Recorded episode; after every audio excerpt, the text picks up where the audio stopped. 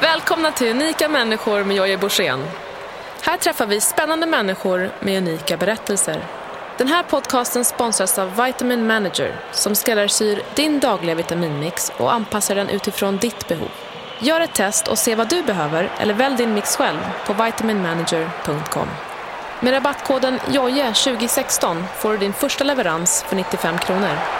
Tack för att du lyssnar. Nu kör vi!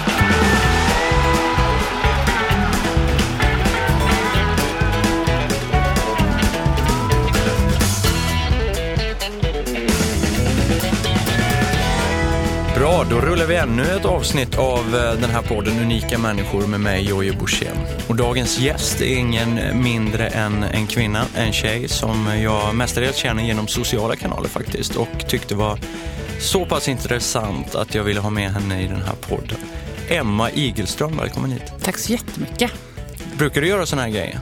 Eh, jo, men jag tycker poddfenomenet, eh, jag gillar det. Eh, mm. Det finns chans att, att, prata till punkt och eh, fördjupa sig utan ett fast manus och sådär. Så, så jag måste säga att det här formatet i intervjuform tycker jag väldigt, väldigt mycket om. Eh, ganska van med tv-intervjuer och sådär som man har en viss tid och det ska gå snabbt. Och det är många gånger jag har känt så efter jag gjort sådana intervjuer att men jag fick aldrig prata till punkt. Nej. Jag fick inte säga det som jag verkligen ville säga.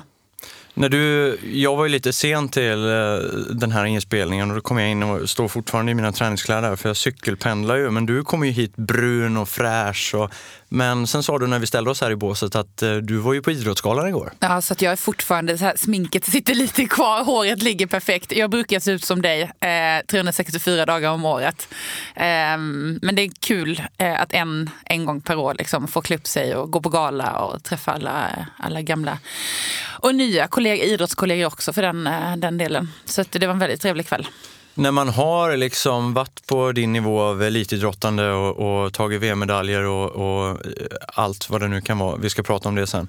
Har, man då liksom, har du en stående inbjudan till Idrottsgalan hela tiden?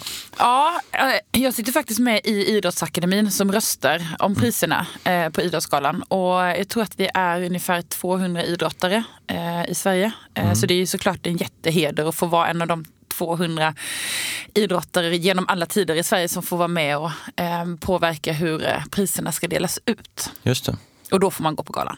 Hur, eh, hur, hur fortlöper det jobbet? Alltså hur, vet ni vilka de andra är och så vidare? Eh, de andra i Idrottsakademin menar du? Mm. Ja, jo, men vi, det finns en lista på alla som sitter ja. i Idrottsakademin och så. Eh, men egentligen så är det inte så mycket mer än att vi är med och röstar ja, eh, på de här nomineringarna då som en jury tar fram. Vad tyckte du om eh, pristagarna igår? Var det rätt priser som var? Ja, eftersom, Sara, som eftersom Sara Sjöström tog hem så mycket priser och, och, såklart så ligger simningen mig varmt om hjärtat så, så var jag jätteglad. Eh, samtidigt så uppstod det också en liten sån här, eh, ska säga, jag ska inte säga dispyt igår, men det var så här jag kan tycka att ett ungdomslandslag i någonting inte hör hemma på en seniorgala. Och med det är inte sagt att... Alltså jag tyckte det var fantastiskt som u landslaget mm. när de eh, tog, eh, tog guldet i somras. Så jag satt precis som alla andra. Eh, men att jämföra dem med lag på seniornivå i absoluta världstoppen, det tycker inte jag är schysst. Nej. Och då kan jag också tycka att ska det vara ungdomar med, vad var tjejlaget på F19 som också tog EM-guld. Mm. Då är man mm. lite där igen med jämställdheten inom idrotten. Så det var väl kanske lite det enda smolket i vägen, men de ska, deras insats ska inte förringas någonstans. Nej. På tal om det, du som är kvinna och har idrottat hela ditt liv. Har du stött på det här med jämställdhetsfrågor genom hela din karriär? Har det varit en issue tycker du? Jag har inte faktiskt eh, upplevt någonting. Jag tror att jag har varit eller simningen är väldigt, väldigt förskonad från jämställdhet. Eh, det har liksom alltid varit både kvinnor och män som har tävlat. Alltså det var ju en av de OS-grenarna där kvinnor fick tävla först i. Mm. Eh, och likadant liksom internationellt. Så visst, eh, det spelar ingen roll om man är kvinna eller, eller man om man är en stor stjärna. Eh, sen kan man väl se så här generellt att det kanske har varit större stjärnor som har varit män i liksom pop Alexander Popov, Michael Phelps, Ian Thorpe som varit de här megastjärnorna i simningen. Men annars har jag inte upplevt, det har alltid varit lika mycket så här prispengar, sponsorerna har liksom aldrig valt killar framför tjejer och så vidare. Så att, ehm, och sen har vi alltid i Sverige varit väldigt starka på tjejsidan, vilket såklart har gynnat alla. Spännande, och vi ska prata mer om det här. Eh, och jag tänkte, vi tar det här tillbaks lite till eh, grunden. Du är från Karlshamn. Mm. Du, du, och jag är lika gamla. Vi är födda 80 båda två. Bra årtal. Det är bra årtal, eller hur? Ja, gyllene året. Eh, berätta lite. Du, är ju, du har ju varit simmare av internationell rang. Hur, hur hamnade du i den sitsen? Eh, alltså jag är uppvuxen i en jätteidrottsfamilj. Eh, min pappa var elithockeyspelare och eh, alla spelar hockey egentligen för jag har nästan bara killar i släkten. Eh, min största och första sorg i mitt liv var att jag inte var kille så jag kunde vinna Stanley Cup i, i hockey. Mm -hmm. Men sen hade jag en person som betydde väldigt mycket för mig. Eh, min egentligen första kvinnliga förebild det var min farmor. Och jag hade hört, eller hon hade berättat att hon hade varit simmare. Mm. Eh, men sen var det inte så mycket mer än så förrän hon dog. Då hittade jag i en låda i hennes garderob så hittade jag ett SM-guld i simning. På bröstsim som jag sen mm. också slog igenom, eller som var mitt simset. Eh, men hon tog mig till bassängen för första gången. Eh, jag var Vilket år? 83. 83, så tre år gammal. Tre år gammal ja. Ja. Men det som var så kul då, det var, eh, jag tror du har varit med också, men när man skulle lära sig simma på land mm. innan man fick hoppa i vattnet.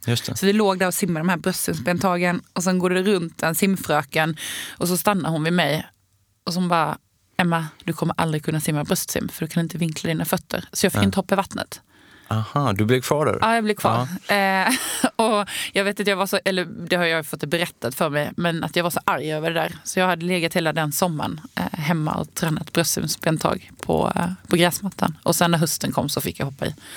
Och sen, resten är historia. Nej, men vad hände sen? Nej, men jag blev kvar. Alltså jag slog igenom som, eh, som väldigt ung. Eh, det var inte länge sedan mina föräldrar flyttade och då hittade jag en låda hemma eh, där pappa sparat alla så urklipp. Du vet mm. på vår tid när det inte fanns Google när vi var små. eh, och då hittade jag allra första urklippet som var gjort. Det var en av mina första tävlingar. Jag var sex, sex och ett halvt någonting. Jag fick sitta så på bild med min gamla idol Tommy Werner. Mm. Eh, och så har de frågat massa småsimmare varför man höll på att simma.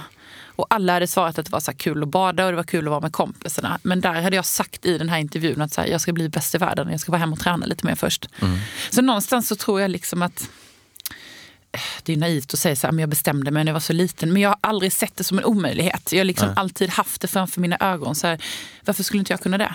Det är klart jag kan bli bäst om jag bara gör det som krävs. Och det är så jag är uppfostrad också. Um, och sen så är ju faktiskt resten historia. Jag slog igenom, tog mitt första SM-guld för seniorer på min 14-årsdag. Um, ehm, Fick din farmor vara med, eller var det mormor? Förlåt. Farmor. farmor. Fick hon vara med och se eh, att du blev väldigt duktig simmare?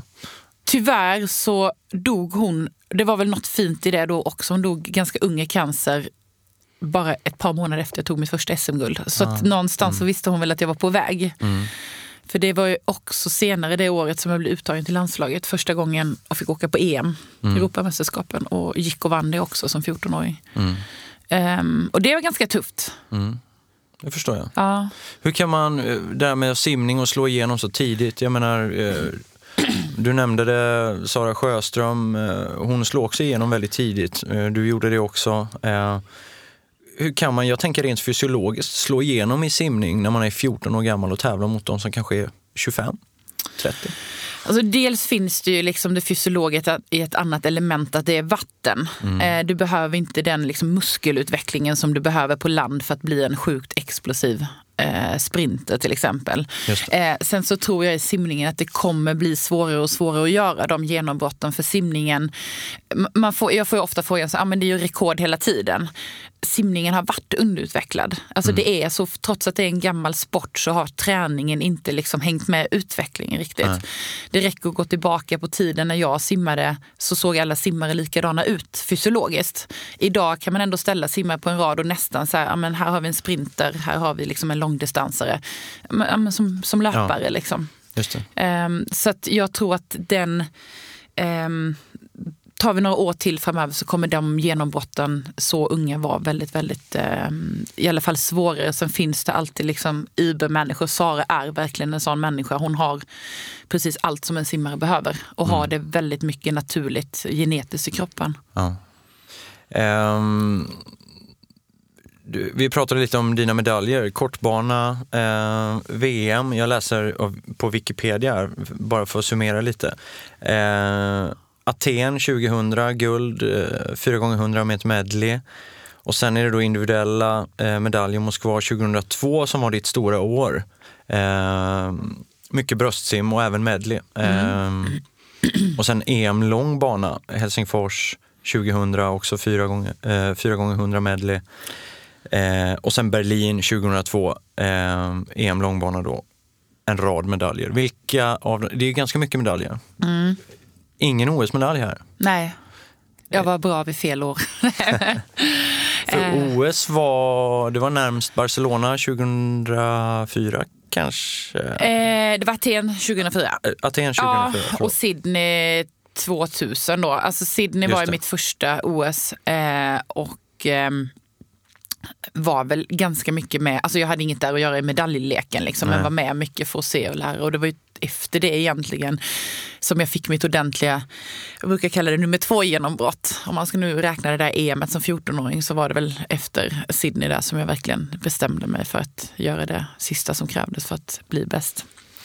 Men det blev bröst av den anledningen att du lärde dig det först? Och, och, eller hur, du tänkte aldrig på några andra distanser som special?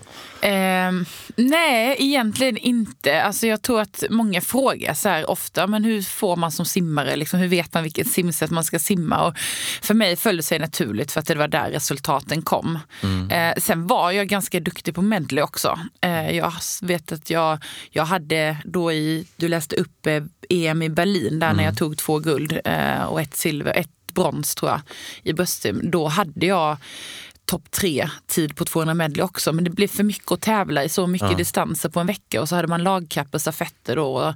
Det var försök, det var semifinal och finaler. Så man fick liksom välja lite grann. Mm. Och då var det bara bröstsim som gällde.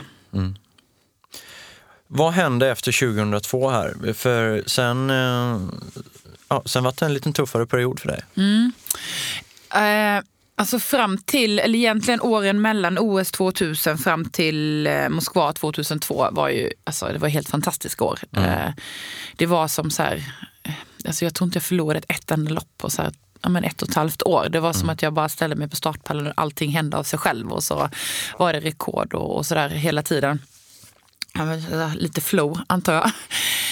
Men sen så hade vi faktiskt 2003 så slog jag världsrekord också mm. Eh, på våren där. Sen hade vi ett brutalt dåligt mästerskap och det var inte bara jag utan det var hela svenska truppen 2003. Ett VM i Barcelona. Det var som att så här, ja, men proppen hade gått ut för alla och alla stod helt handfallna för det hade inte hänt ett svenskt simlandslag på många, många år. För det var liksom alltid någon som hade lyckats. Det var så här, Lars Frölander, Therese Alshammar, Anna-Karin Kammerling, det var jag, det var Johanna Sjöberg. Vi var ju så många. Ja, ni var många. Och alla bara så här, alla missar formtoppen på mm. det här mm. mästerskapet. Mm. Um, och det var väl egentligen efter det mästerskapet som jag blev extremt stressad. För då var det bara ett år kvar till OS som skulle mm. vara i Aten då, som skulle vara mitt stora mål. Mm. Eh, vilket gjorde att jag ja, men så pressade mig på precis alla plan. Eh, alltså jag tränade hårdare än vad jag någonsin hade gjort. Eh, ja, åt dåligt eller mindre eh, för att jag tänkte att ah, går jag ner lite i vikt då kommer jag liksom kunna här, ta några tiondelar. För det var ju där, det var inte sekunder man plockade längre utan nej, man var tvungen att skruva allt för hundradelarnas skull. Liksom. Eh, vilket gjorde att till slut så här, nej min kropp och min knopp orkade inte mer. Nej. Jag vaknade en morgon och kunde inte ta mig ur sängen. Nej. Hade liksom eh, fått, eh, då trodde jag att det var hjärtat. Eh, mm. Men eh, när jag sen åkte in till sjukhuset så då hade jag fått en panikångestattack. Tillsammans med att mina värden i kroppen, alltså jag hade, cellerna kunde inte förnya sig. Alltså jag var Nej. totalt övertränad. Och då fattade jag ju att har du ingen kropp som funkar och ingen knopp som funkar så har man inte så mycket på ett olympiskt spel att göra. Nej. Så det var en väldigt, väldigt stor sorg mm. eh, vid den tidpunkten i mitt liv. Och då pratar vi träningsdoser på mm, ja, 100 000 i veckan? Ja, alltså jag skulle nog vilja säga det är så svårt också att säga så här, du tänker meter. Mm. Um, upp mot 40 timmar, ja. både fysträning och simning. Ja. En normal arbetsvecka för många? Ja, ja absolut. Um, och uh, sen tog du en timeout ja. från simningen? Det gjorde jag. Jag tog en timeout över den sommaren. Mm. Um, Vad gjorde du under timeouten? Uh, Alltså jag, jag kommer ihåg att jag var sjukt trött. Alltså jag sov så mycket. Min kropp behövde så extremt mycket mm. återhämtning. Eh, jag träffade en terapeut som hjälpte mig. Liksom och jag fick ju eh, en diagnos då att eh, jag hade en ätstörning. Mm. Eh, lite odiagnostiserbar för att det var liksom så här pendlade mellan anorexi och bulimi väldigt mycket. Så jag fick eh, liksom hjälp med den delen. Så jag skulle säga att jag bara så här, nej jag vilade. Jag mm. försökte hämta hem mig själv liksom och hade väl bestämt mig först för att jag inte skulle tillbaka till bassängen. Eh, för jag kände så här, men jag är klar liksom. Jag pallar inte fyra år till. Mm. Det är så i de olympiska idrotterna, det är fyra år i mm. taget. Mm. men sen kände jag ändå så här, ju mer kroppen och knoppen återhämtade sig så, där, så kände jag att nej men jag vill inte att en läkare säger att jag slutar. Jag vill bestämma det själv. Så jag gick tillbaka till bassängen men då hade jag verkligen tagit ett löfte till mig själv att så här, nu är det glädjen som ska styra. Eh, jag ska inte sätta någon press på mig själv och när jag typ sätter mer press än vad jag har glädje då är det dags att sluta. Men jag kände ganska fort att jag vill hellre åka skidor på vintern och mm. jag vill åka hem till mina föräldrar i sommarstugan på sommaren. Och de tankarna hade jag aldrig haft när jag var världsbäst. Så då bestämde jag mig för att så här, nej, det är klart liksom. Det, jag är inte beredd att göra det som krävs en gång till. Nej. Men det var skönt att få ta det beslutet själv för jag har faktiskt ja. aldrig ångrat det. Nej. Sen skulle jag ljuga. Jag kan sitta och titta så här när Sara Sjöström är i sitt livsform och så står hon där i en VM-final och bara så här shit jag skulle vilja göra det en gång till. Mm. Men bara det ögonblicket. Mm. Men eh, det måste vara, jag är själv gift med en gammal eh, olympier, eh, mm. dubbel olympier och, och, och, fast i en helt annan sport. Men eh, vad jag förstår med er som har varit på den här nivån och vunnit tävlingar konstant, eh, deltagit i VM och, och, så vidare och så vidare. Det är väldigt svårt att slå den känslan. Det är som du säger. Mm. Helst av allt skulle du vilja uppleva det där igen. Ja, jag vet att jag hade en sån här då i Moskva på VM 2002, mm. när precis allt stämde, så kommer jag ihåg en känsla som jag upplevde för första gången och det var innan finalen på 50 meter bröstsim. När jag gick in, det var också det loppet där jag slog, jag var första kvinna under 30 sekunder där. Och när jag ställde mig bakom den startpallen, jag var så sjukt nervös för jag gick in som ledare till finalen. Men så fort jag kom in på arenan och ställde mig bakom startpallen så bara kände jag så här, allting bara rann av mig och så bara hade jag den här känslan att så här, finns ingen som kan stoppa mig. Nej. Alltså jag är för bra. Det mm. var som att kroppen och knoppen och hjärtat bara var så på exakt samma ställe. Mm. Eh, och den känslan önskar man att man hade kapslat in och kunde ta fram när man behövde det som mest i livet. Har du aldrig varit i närheten av den känslan någon annan gång i ditt liv? Och vad skulle du säga är den närmsta det du har kommit i ja, något annat tillfälle i ditt liv? Alltså jo, men eh, inte på samma, liksom, inte på samma sätt. Alltså, det är så här, man, jag skulle aldrig kunna jämföra liksom, ett simlopp med att få barn. För att det är inte Nej. samma, Nej. att få barn är så överväldigande liksom, ja. på ett helt annat sätt och det betyder så mycket mer än ett guld. Liksom, mm.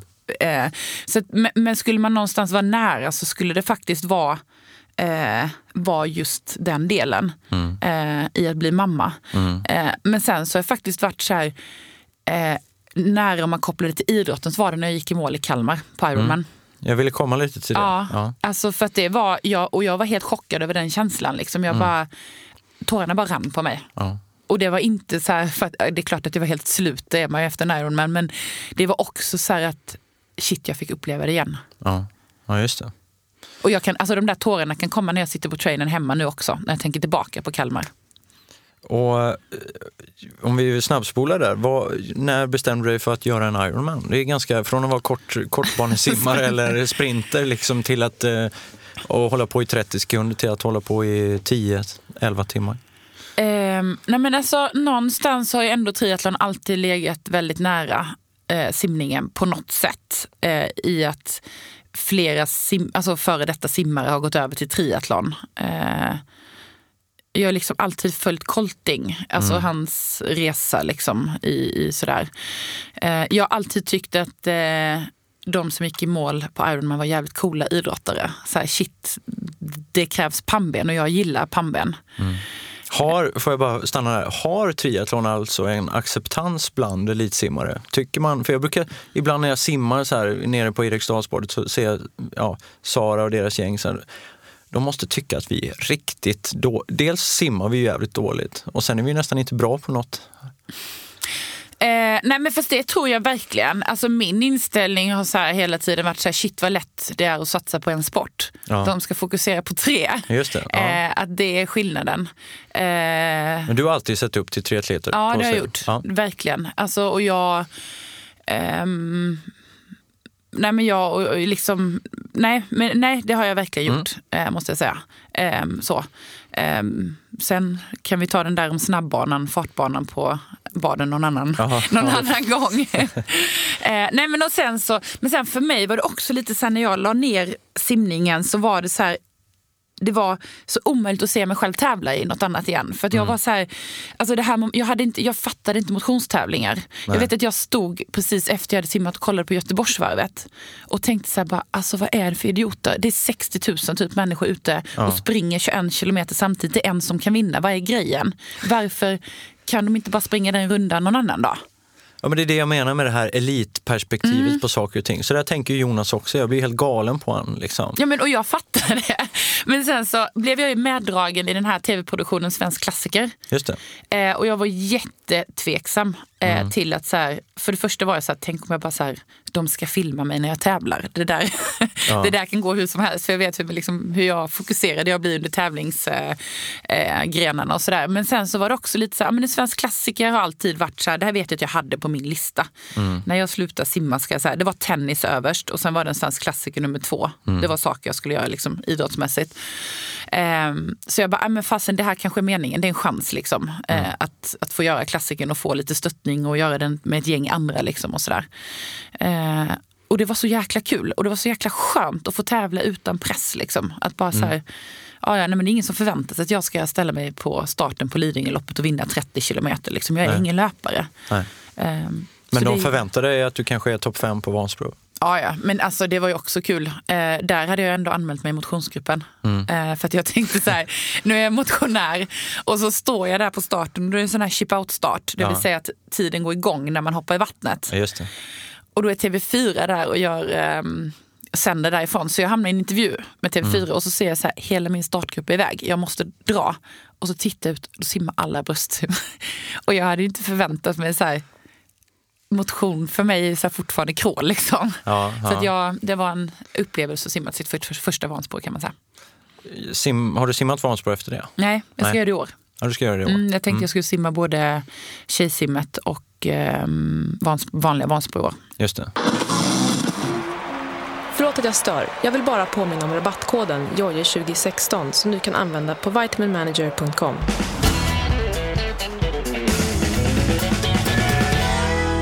Men Emma, du har ju också en uh, civil karriär. Du, uh, dels så du bloggar och inspirerar uh, väldigt mycket folk med ja, din, din personlighet idag, men du jobbar också på bank har jag läst. Nej, det gör finans? Nej, det Nej. var faktiskt åtta år sedan jag slutade. Ja, det, var, det var någon gammal research? Ja, det var gammal ja. research. Vad gör du idag? Eh, idag så driver jag två stycken företag. Mm. Eh, dels eh, liksom med mig själv, med ute och föreläser mycket mm. och så skriver eh, en hel del olika tidningar. Mm. Eh, sen har jag ett företag eh, tillsammans med en kompanjon som heter The Wellness Academy. Där vi egentligen har en akademi av kompetens där vi jobbar ut mot företag för att skapa välmående organisationer. Okay. och inte bara så att alla ska ut och röra på sig utan ja, det är en väldigt viktig del men det handlar om väldigt mycket mer för att kunna må bra och ha balans i livet också. Mm. det handlar om att liksom, följa sitt hjärta mycket och, och, men också den mentala knoppen, väldigt viktigt. Och där kan ni utgå från ja, den elitidrottkarriär du har, men sen har du byggt på det här med något. Hur, hur hamnar du i, i det facket så att säga? Var, varför blev det det? Och inte bank? nej, för jag är ju ekonom i botten egentligen. Mm. Eh, men, eh, nej, men alltså jag gjorde ju en jäkla resa med mig själv efter min karriär. Och det är mm. klart att den resan gjorde så extremt mycket med mig själv. Alltså den fick mig att värdera mig själv på ett helt annorlunda sätt men också livet på ett annorlunda sätt. Och de erfarenheterna jag tog med mig där kopplat till liksom det som jag gjorde i elitidrotten var väldigt, väldigt nyttiga erfarenheter och någonting som också eh, jag tror att vi behöver väldigt mycket mer av i vårt samhälle. Så vi är väldigt mycket våra prestationer. Eh, att liksom eh, hitta den här balanserade nyanseringen i, i livet. Ehm, det är svårare idag med allt. Eh, du nämnde själv sociala medier, det är en sån sak som påverkar väldigt mycket. Men också klimatet är tuffare. Mm. Eh, så vi behöver ta hand om oss själva för att skapa hållbarhet. Mm. Och när du trillade in på Ironman, när du har genomfört, hur många då? Jag har gjort en. En. Och det var i, i, I Kalmar. 2015? Då? Ja. Mm. Och varför, jag vet inte om du svarade på det tidigt, men, eh, tidigare, men varför valde du just Ironman? Jag testade ju triathlon eh, ett år innan min första Ironman. Bara så jag är jättenovis egentligen på triathlon. Eh, men fastnade snabbt och tänkte så att ah, jag ska ge det två år och sen ska jag göra en Ironman. Eh, men då var det någon som sa till mig så att fast Emma du klarar det nu och passa på så länge kroppen håller. Mm. För du vet liksom inte med den mängdträningen igen hur din kropp kommer reagera. Och då tänkte jag så här, jag gör det. Mm. Eh, och då var jag återigen där så här, mental träning för mig. Så här, ja, men vad är det värsta som kan hända? Jag klarar inte det. Nej, och livet kommer gå vidare i alla fall. Mm. Um, så då ställde jag mig på startlinjen i Kalmar. Uh, hade egentligen bara så fyra, fem månader specifik liksom, planerad träning bakom mig. Um, och ändå gick det så pass bra. Um, och hade egentligen bara ett mål och det var att genomföra. Mm. Hur bra gick det? Hur snabbt blev det? Eh, jag gjorde på precis eh, över 11 timmar. Oj, jättebra. Ja, det var bra. Mm. Eh, och då eh, var det mycket så här chockar längs vägen med allt från så här energiintag till eh, mage som krånglade och sådär. Mm. Så det finns, det finns mycket, finns att, jobba mycket att jobba på. Ja. Och nu jobbar du väldigt mycket mer fokuserat känns det som. Mm. För att sänka det där drastiskt. Mm. Ja, Va, vad gör ni nu? Jag fick, ju, jag fick ju verkligen eh, blodad tand efter och mm. bestämde mig för att så här, nej, men jag ska ge det ett år och se om jag, hur långt jag kan nå. Och det hade varit sjukt kul om jag kunde nå ända till Hawaii. Mm. I min åldersgrupp då vill, vill jag liksom påpeka, inte någon proffsklass. Eh, så det jag gjorde eh, egentligen, eh, jag jobbar tillsammans med Kalle Brummer Eh, som är extremt duktig triatlet i sin åldersgrupp. Eh, tror han har näst bästa tid av alla eh, män på Hawaii, svenskar, ja. någonsin. Eh, och vi kände varandra sedan tidigare, vi har jobbat ihop tidigare i, i um, när vi, vi har kört organisationsutveckling och sådär tillsammans. Mm.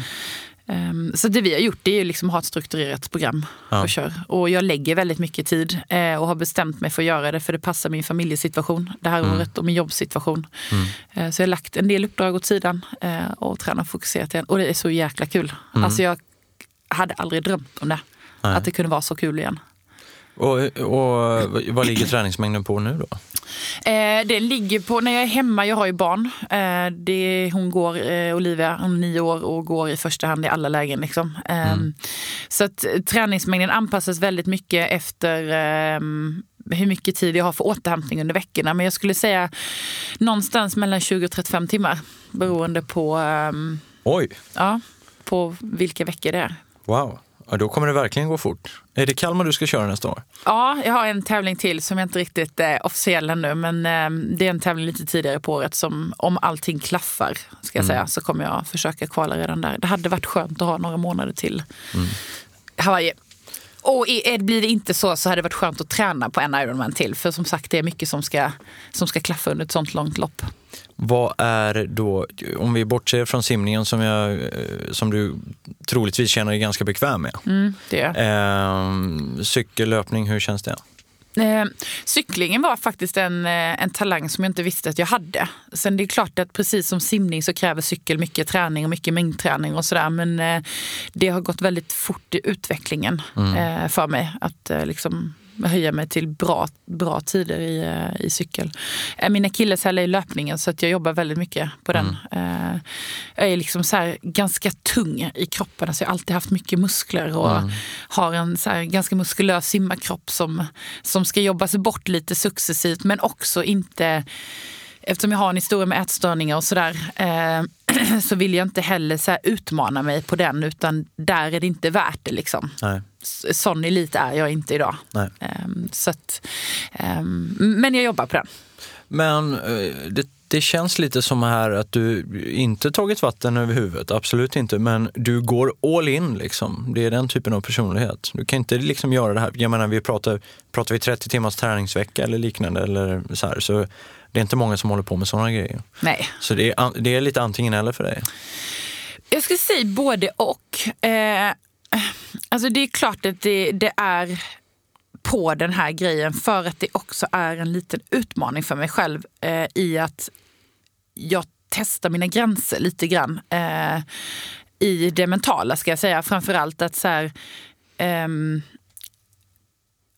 att inte gå över gränsen. För det gjorde jag ändå någonstans när jag simmade. Alltså jag pressade mig för mycket. Och Eh, skulle man se mitt förhållningssätt i simningen kontra det jag gör idag så är det en helt annan Emma. Liksom. Alltså jag, jag grämer inte ner mig över ett eh, dåligt pass längre. Eller, eh, jag kan inte så här, skulle aldrig eh, ha ett inplanerat pass och sen blir Olivia sjuk och sen så bara, nej men jag måste träna. Alltså det finns inte i mitt liv idag. Liksom. Så det, inställningsmässigt så är det inte all in på samma sätt som simkarriären var. Nej. Eh, sen så tycker jag det är kul med utmaning och det är kul att utmana mig själv. Eh, och det är kul att få göra någonting en gång till i livet utan press. Alltså jag mm. känner så här, spelar ingen roll vad som händer. Skulle inte jag kvala till Hawaii, nej, men då har jag haft ett sjukt kul träningsår. Eh, mm. Och jag har inget mer att bevisa i mitt liv. Jag har varit bäst i världen en mm. gång, så jag behöver aldrig sätta den pressen på mig själv. Nej. Så jag tycker det är kul hela tiden, helt ärligt. Ja. Du garvar igenom intervallpassen på träning. Ja, men typ, nej, men, nej, men inte, så kanske inte just de delarna. Det vet vi alla som kör intervallpass att det är jävligt grisigt och jobbigt. Men just det här att så här, ja, men jag är 35 år, jag kan fortfarande utvecklas på något. Jag kan lära mig nya saker. Och det tycker jag vi generellt är väldigt dåliga på som vuxna. Mm. Att så här, våga ge sig in i liksom så nya karriärer oavsett om det gäller idrott eller jobb. Eller så här, det är bara att lära om. Mm. Hur många år som helst kvar förhoppningsvis. Mm, det är bra tips. Mm. Bra för alla att ta med sig. Eh, om, du, om du skulle träffa dig själv idag som 20-åring, vad skulle du säga till den personen? Ta inte det så allvarligt, hade jag nog sagt. Eh, det var, alltså simningen var så mycket allvar i eh, ett tag för mig. Alltså det var det som jag hängde upp mitt liv på. Mm. Eh, och det är klart att elitidrotten kräver ju också att man lägger väldigt mycket åt sidan. Det var det jag tänkte fråga, måste man inte göra det? Måste man inte jo. vara så seriös? Man kan inte vara den du är idag kanske, och ta, eller kan man det? Och ta VM-guld och Eh, jo, det tror jag faktiskt. Eh, jag, tror, jag tror att man måste prioritera bort. Eller mm. så här, kanske mer så här, jag prioriterar simningen. Jag ska inte säga prioritera bort andra saker för det låter så tråkigt. Men mer så här, nej men nu prioriterar jag simman Emma. Eh, men för den sakens skull att det inte bara är simningen som betyder, eller idrotten som betyder någonting i livet. Det tror jag är väldigt, väldigt viktigt. För att jag, jag hade ingen aning om vem jag var utan mina prestationer. Så att jag tror att kan man hitta sig själv i det och känna ändå någonstans här att jag är inte mina prestationer. Då tror jag att man kommer nå väldigt mycket längre på lång sikt och hålla längre. Men kände du att det fanns då en, fanns det en, fanns det en apparat som sa till dig lite så här kommer livet bli efter. Våga slappna av lite. Eller, alltså, förstår du vad jag menar? Mm. Alltså, jag menar tränarna sa till dig vad du skulle träna och hur ni skulle göra och så vidare. Men fanns det något annat skyddsnät där som kanske ja men Emma du måste satsa på studier eller du måste göra det här? Eller, ja. Egentligen inte ska jag säga. Nej. Eh, jag är glad att jag varit så driven själv liksom bredvid och skapade mig själv liksom, med olika nätverk och sponsorer och sådär. Så jag hade en plan B. Jag visste mm. hela tiden att den dagen jag slutar simma så har jag ett jobb att gå till. Mm. Men att ha en plan B och ha ett jobb att gå till är inte samma sak som att ha en plan B som man faktiskt vet eh, fungerar. Eh, du var inne på det själv tidigare, man saknar de här kickarna och så vidare. Eh, alltså att implementera någonstans här, ja men har jag en plan B där jag faktiskt här, kan få utlopp för vad jag känner, för att vad jag vill. Eh, det är inte samma sak som att ha ett jobb att gå till. Nej, just det. Eh, jag läste på din blogg att du simmade 100 gånger 100 på nyårsdagen. Mm, nyårsafton. Nyårsafton? Ja. Vad la du hundringarna på? Jag startade i en 25-gruppen, så någonstans en 15. Oj. Mm, mm jag fick eh, kommentarer, jag var helt knäckt efteråt. Eh, jag la mig, vi simmade eh, både mastersimmarna och vanliga Kungsbacka simsällskap eh, simmade eh, ihop. Mm. Och så mm. fick man välja bana efter starttid. Och då var det en tjej som var kanske 15-16. Och så sa hon, du är ju ganska snabb för att vara så gammal. Då bröt jag bröt jag ihop. eh, Mitt i passet alltså? Hon ja. sa det? Okay. Mm. Så då gick jag upp och drog, lite förbannad. Nej, jag skojar. Eh, Men det var sammansatt simning? Bara, det var sammansatt. Ja. Det var lite både och. Ja. Både lite arm och lite sammansatt och sådär. Men det är ganska mastigt pass där. Men det är en, så här, det är en simklassiker vad jag har förstått. Jag har aldrig upplevt simkulturen så, men jag har förstått att alla simmar det där passet. Ja, men jag vet inte vad det är. Jag hade gäster hemma och så gav jag mig iväg sju på morgonen. Vad ska du göra? Jag simmar hundra gånger hundra. Varför gör man det? Och jag hade inget svar. Jag bara, det är bara så i simningen. Man gör det ja. på nyårsafton. Eh, men det är också kul för att eh, jag, har inte, jag har inte tyckt simningen var kul så jag slutade. Nej. Alltså bassängsimningen har sugit rent ut sagt. Det har varit tråkigt att gå in och alltså, jag är så mycket sämre ändå liksom, än vad ja. jag var när jag simmade. Eh, så att det har tagit emot. Men den här säsongen har jag verkligen så att hitta tillbaka även till bassängsimningen. Så jag mm. faktiskt tävla nu i ren bassängsimning, eh, ett masters-DM om två veckor. Jaha. Första gången jag ställer mig på en startpall igen efter simkarriären.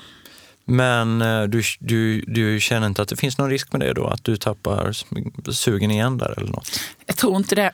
Ehm, du tar det lite med en klackspark? Ja, men jag tar det med en klackspark. Sen får du väl fråga mig om två veckor kanske. För jag ska simma bröstsim och sådär eh, nu igen. Och det har jag inte gjort. Nu tränar jag för långdistans. Liksom. Ja, ja. Så att jag har ju lagt om. Träningen ser inte alls likadan ut mot vad den gjorde innan.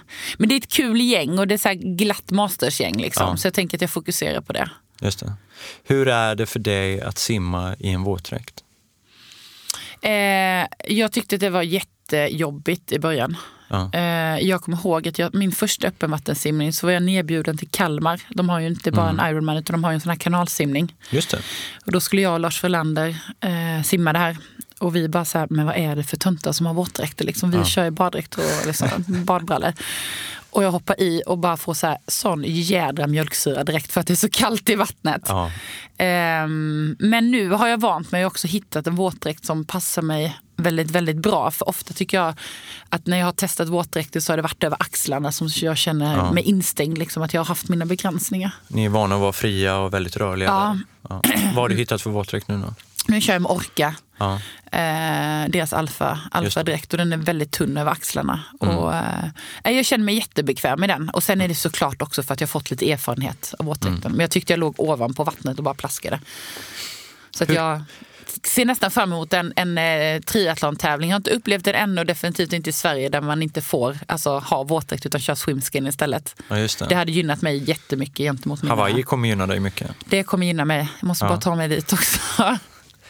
Eh, minns du några andra så episka dagar eller episka pass som du har gjort som bara är så här Alltså om vi bara tänker tillbaks, vi, vi, två varianter här då. En eh, på din simkarriär, mm. när du var elit, ja men då simmade jag eh, 200 gånger 100 start 1.05 eller mm. ja, så här. Minns du några sådana grejer? Ja, jag har ett pass eh, då när jag var inne i mitt riktiga flow. Um, jag hade liksom inga spärrar på något sätt. Och vi hade, jag simmade så sjukt jäkla fort på träning också. Och jag vet att jag simmade 10 gånger 50 mm. bröstsim uppifrån startpall. Mm. Vi startade varje 1.30 så det var liksom mål, man hävde sig upp, skakade loss, körde igen. Och jag snittade 6 tiondelar över världsrekordet mm. på 50 meter under 10.50 under ett pass. Det är helt sjukt. Det är nog en av de mest episka, äh, episka träningarna jag har haft någon gång. Vad sa tränarna då? måste... Nej, men alltså de, jag vet att de stod och bara så kollade på klockorna och sen vet jag att min ena tränare hon bara så här, alltså någonting är fel, liksom, du måste också klocka, sa hon till den assisterande tränaren. Eh, men jag var så sjukt bra just mm. då. Mm. Mm. Så jag, vet, jag kollar tillbaka ibland på det där passet. Jag har det i min träningsdagbok hemma. Eh, mm. När jag behöver lite så här. Är du en eh, sån här medalj och sifferskramlare? Samlar du allt så här och vill ha koll på hur mycket du har tränat genom åren? Och, ja. Mm, nej, det skulle jag inte säga. VM-medaljerna hänger inte i ett skåp hemma? Eller? De hänger faktiskt på mitt gamla, eh, mitt, min hemmaarena i Karlshamn. Mm -hmm. Hänger alla mina medaljer. Hall of Fame? Ja, mm. och jag, när de frågade om de kunde få ha mina medaljer så visste jag inte ens vad jag hade dem. Nej. Så att medaljsamlare, nej, nej, det är jag inte.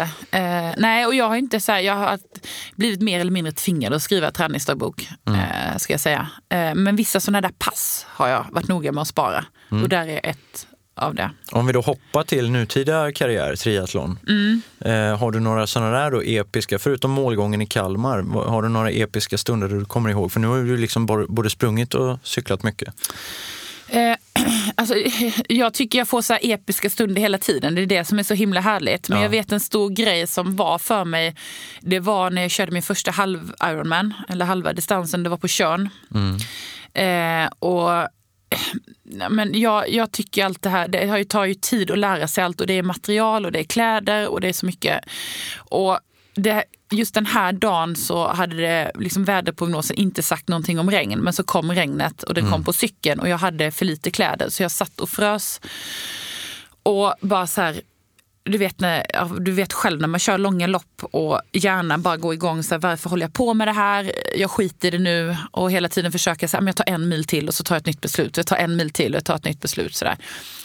Och jag var så säker för att jag var så van då att tävla på korta distanser. Och på korta distanser så har du motivationen där uppe precis hela tiden. Ja. Och tappar du den är det kört liksom, för du hinner inte hämta hem den.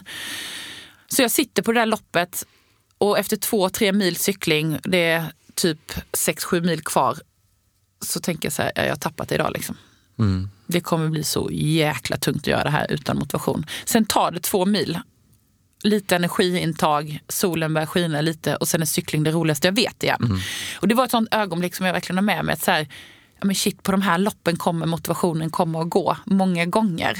Eh, men det hade jag aldrig upplevt innan för jag trodde att när jag tappat motivationen, då är det kört.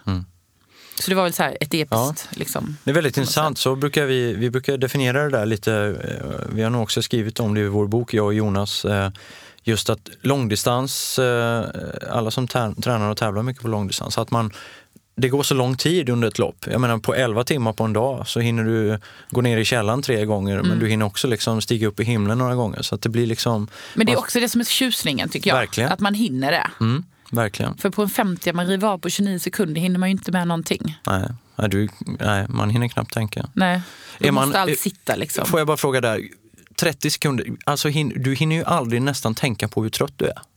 Mm, nej, nej, nej, nej. Alltså nej, inte på 50 meter. Eh, Jag Då inte ska bara på 100 teknik meter. och allting stämma så att det går så fort som möjligt. Eh, På så fem- du, du, och då min fråga är, när du står på, på start, då kan du aldrig vara rädd. För jag är ofta rädd när jag står inför en Ironman eller långt lopp. Så här, Fan vad det här kommer bli jobbigt. Jag är så jävla rädd för det här. Jag är rädd för att gå ner i den där gruvan och så vidare. Men på ett sånt lopp, 30 sekunder, man kan aldrig vara rädd för att det ska bli jobbigt. Nej, det är inte det man tänker på. Det är mer så här man går igenom de sista detaljerna i huvudet. Mm. För man vet också på en sånt litet lopp, eller kort lopp, så eh, tappar du en detalj så är du rökt. Ja. Eh, på en, ett långt lopp, vilket jag också också kan tycka är tjusningen, är nog den där kanske grejen som gör att jag tycker de här långa loppen är roliga. Jag har, jag har tid att hämta hem det. Ja, jag har tid att göra ett dåligt beslut, till och med kanske fem dåliga beslut, för jag kan göra tio bra under Mm. tiden. Och det, alla gör något dåligt beslut under ett sånt långt lopp. Liksom. Verkligen. Men tar du ett dåligt beslut på 50 meter då är du körd. Ja. Hm. Och vad kan, nu snöar vi in här, men vad kan ett sånt här dåligt beslut vara? Om du simmar 50 meter kortbana till exempel, är det en vändning liksom? Alltså har ni intrimmat så pass att ni vet exakt hur många armtag ni tar innan ni... Men säg att du är i jävligt bra form då, och nu kommer lite osynk in till en vändning.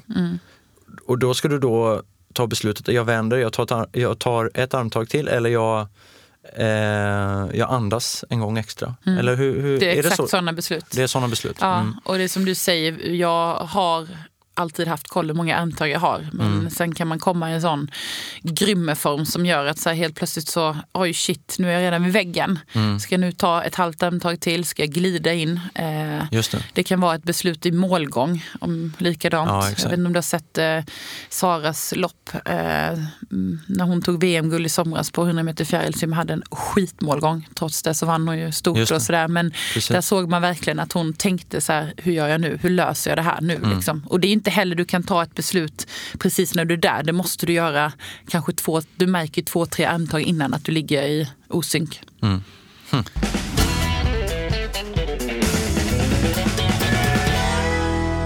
Emma, jag tänkte fråga dig, vad, vad är meningen med livet? Meningen med livet för mig är att, eh, att leva det fullt ut hela tiden. Ehm, att hitta liksom, konen i vardagen som gör att jag känner att varje dag betyder någonting. Eh, jag har varit för nära själv. Eh, jag har haft folk runt omkring mig liksom, som det har gått väldigt snabbt för att liksom inte finnas kvar på den här jorden som har gjort att så här, nej, men jag njuter varje dag idag. Eh, och sen njuter vi alla på olika sätt. Liksom. Men eh, att hitta sina guldkorn i vardagen, att inte bara gå och vänta utan faktiskt snappa upp dem när de är där. Och vad skulle du säga att du befinner dig på toppen av din eh, må bra Förutom de här guldmedaljerna och så vidare. Men mår du väldigt bra idag? Ja, det gör jag. Jag skulle mm. säga att jag befinner mig på toppen. Men också så att men jag klättrar ständigt uppåt. Har jag gjort det är en hög tiden. Topp. Ja, men ja. det är en hög topp. Och jag vet inte, det är klart att jag som alla andra har svackor och dåliga dagar och gråa dagar och sådär. Men för mig är det också en acceptans i att det är en del av livet. Mm. De dalarna blir inte så så djupa längre utan det är mer ett konstant, liksom, lite vågor bara så. Mm. När, jag tänker lite på din yrkesroll så här, när ni jobbar med organisationer och när ni coachar andra eller inspirerar andra människor. Så här, är det, och du, om man nu ska definiera när du träffar vanliga människor som mm. inte har VM-guld och, och, liknande i bagaget. Är det, är det lätt för dig att se andra människors eh, eh, vad ska man säga, se andra människors potential. Och hur kan du översätta din egen, liksom, eh, det du har i bagaget och, och liksom ge det till andra människor? Upplever du att den, är det enkelt? Eh, ja, men jag, jag, enkelt, det ska jag inte säga att det är. Eh, och det har varit en resa för mig också. Jag kommer ihåg när jag kom ut liksom och började jobba med jag ska inte säga vanliga människor, men icke som icke har varit elitidrottande. Mm. Och insåg att så här, eh, men alla har inte ens ett mål.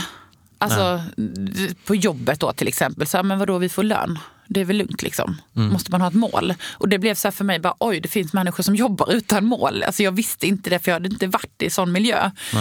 Eh, men för mig har just den här Ehm, förmågan att sätta mål och att hitta en väg mot målet har varit en sak som har varit väldigt nyttig för mig att översätta. För att jag är helt övertygad om att alla människor drivs av mål.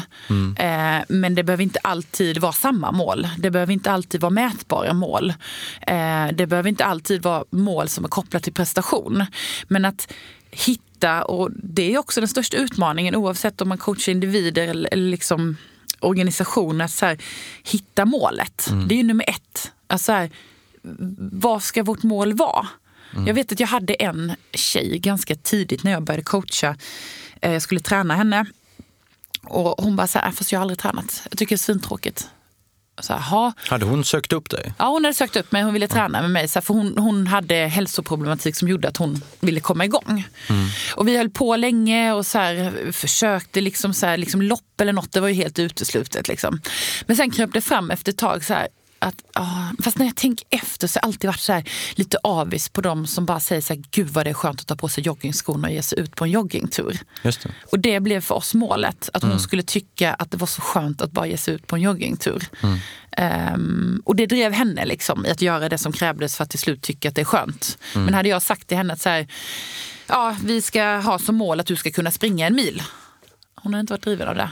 Men det är samma sak för någonstans i mitt bakhuvud hade jag Milan som mm. mål mm. men det var inte så jag kommunicerade ut till henne. Så att det där målinriktade har jag väldigt, väldigt mycket med mig från elitidrotten. Men att kunna ta ner det på varje individs nivå. Tycker du att eh, människan har förlorat sig själv lite i sin egen hälsa generellt?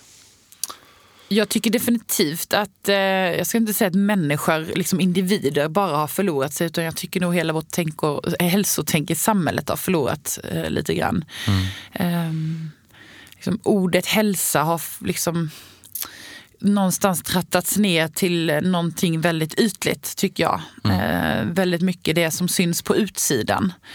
Eh, väldigt mycket kopplat till prestation. För mig är hälsa så extremt mycket bredare än så. Alltså, mm. Det handlar om, såklart om att ta hand om sin fysiska hälsa. Det brinner jag jättemycket för. Eh, men det handlar också om så här, ja, men hur stressar vi mindre? Hur får vi mer tid för återhämtning? Kan vi göra något sätt för att förbättra vår sömn? Eh, hur har vi det med vår mentala hälsa? Gör vi det vi brinner för? Alltså, det är så många sådana liksom, det är så komplext ordet hälsa så att börja titta lite mer på också så här, ja, men vad brinner jag för? Inte så här, vad brinner samhället för just nu? Mm. Oavsett om det kommer till dieter eller träningsformer så är det väldigt mycket trender hela tiden. Och så blir det så en masspsykos och så hänger alla på det utan något kritiskt granskande utifrån sig själv. Mm. Tycker du att eh, företag och organisationer ska ta ett större ansvar för sina anställdas hälsa? Eh, jag gillar egentligen inte att eh, ansvar ska flyttas runt hela tiden. Eh, oavsett om det är så politiker, eller Folkhälsoinstitut eller organisationer. Men jag tror definitivt att organisationer och företag också kan göra en egen vinst på att ha anställda som mår bra. Mm. Och då kan jag tycka att de kan få ta lite ansvar. Mm. Någonstans så känner jag ändå att drivkraften för mig är att förstå, eh, eller att få varje individ att förstå att man har ett eget ansvar. Det, det, har vi det yttersta allt. ansvaret ligger hos en själv? Alltså. Det ligger hos oss mm. själva. Och alltså min drivkraft i det här det är också att vilja få människor att förstå att vilja ta hand om sig själva. Att vilja mm. ta hand om sin hälsa. Eh, för att få ett så långt och hållbart liv. Och det mm. behöver inte vara så att alla ska ut på en arbetsplats och köra en klassiker. Liksom, utan så här, skapa sig sin egen vardag med de parametrar, liksom, kropp, knopp och hjärta som behövs. Men kan det inte vara lite enkelt för människor då att skjuta det där på arbetsgivaren eller på myndigheten eller på eh, regeringen att liksom, nu, ska vi, nu ska vi sockerbeskatta för att Ja men vad skönt, för då, då, då, alltså precis som vi inför strafftullar eller här får du inte parkera, du får straffavgift för det och så vidare. Att människor har en tendens att vi, vi glider lite åt det där kontrollsamhället där någon annan måste ta beslutet åt dig att ja, men du är tjock, vi måste göra något åt det här. Mm. Ja, då opererar vi dig, mm. eller något. Alltså, Förstår du vad jag menar? Ja, men alltså det är väl hela tiden. Tänker jag, alltså vi lever i ett samhälle där vi vill ha quick fixes på allt hela tiden. Mm. Och helst att någon annan tar besluten åt oss. Um, det man inte får glömma, alltså jag har varit där lite också ska jag säga i mitt liksom så här, um, att jag ska inte säga, för jag har ju alltid varit driven själv i, i de beslut jag tagit i simningen så har det varit direkt påverkande på mina resultat. Men, men också kommit till insikten så att ja, men, jag måste ta mina beslut. Det är ingen annan som kan ta dem åt mig och det finns inget facit för alla Nej. andra heller. Och i och med att jag också börjat ta beslut som är bra för mig så har jag också växt i mig själv. Min självkänsla har växt, min liksom, eh, mitt förhållande till mig själv så att jag gör allt det jag kan liksom, i, ja, men så här, i min värld för att jag ska må så bra som möjligt. Det har gjort att jag har växt som person och mår bättre. Det blir som en god spiral. Liksom. Mm. Mm. Mm.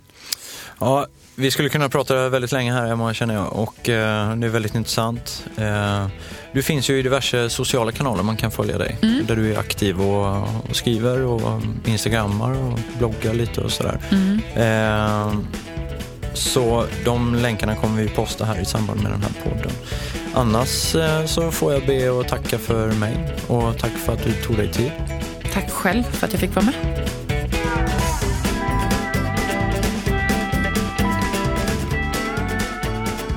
Du har precis lyssnat på ett avsnitt av Unika människor med Jojje Borssén.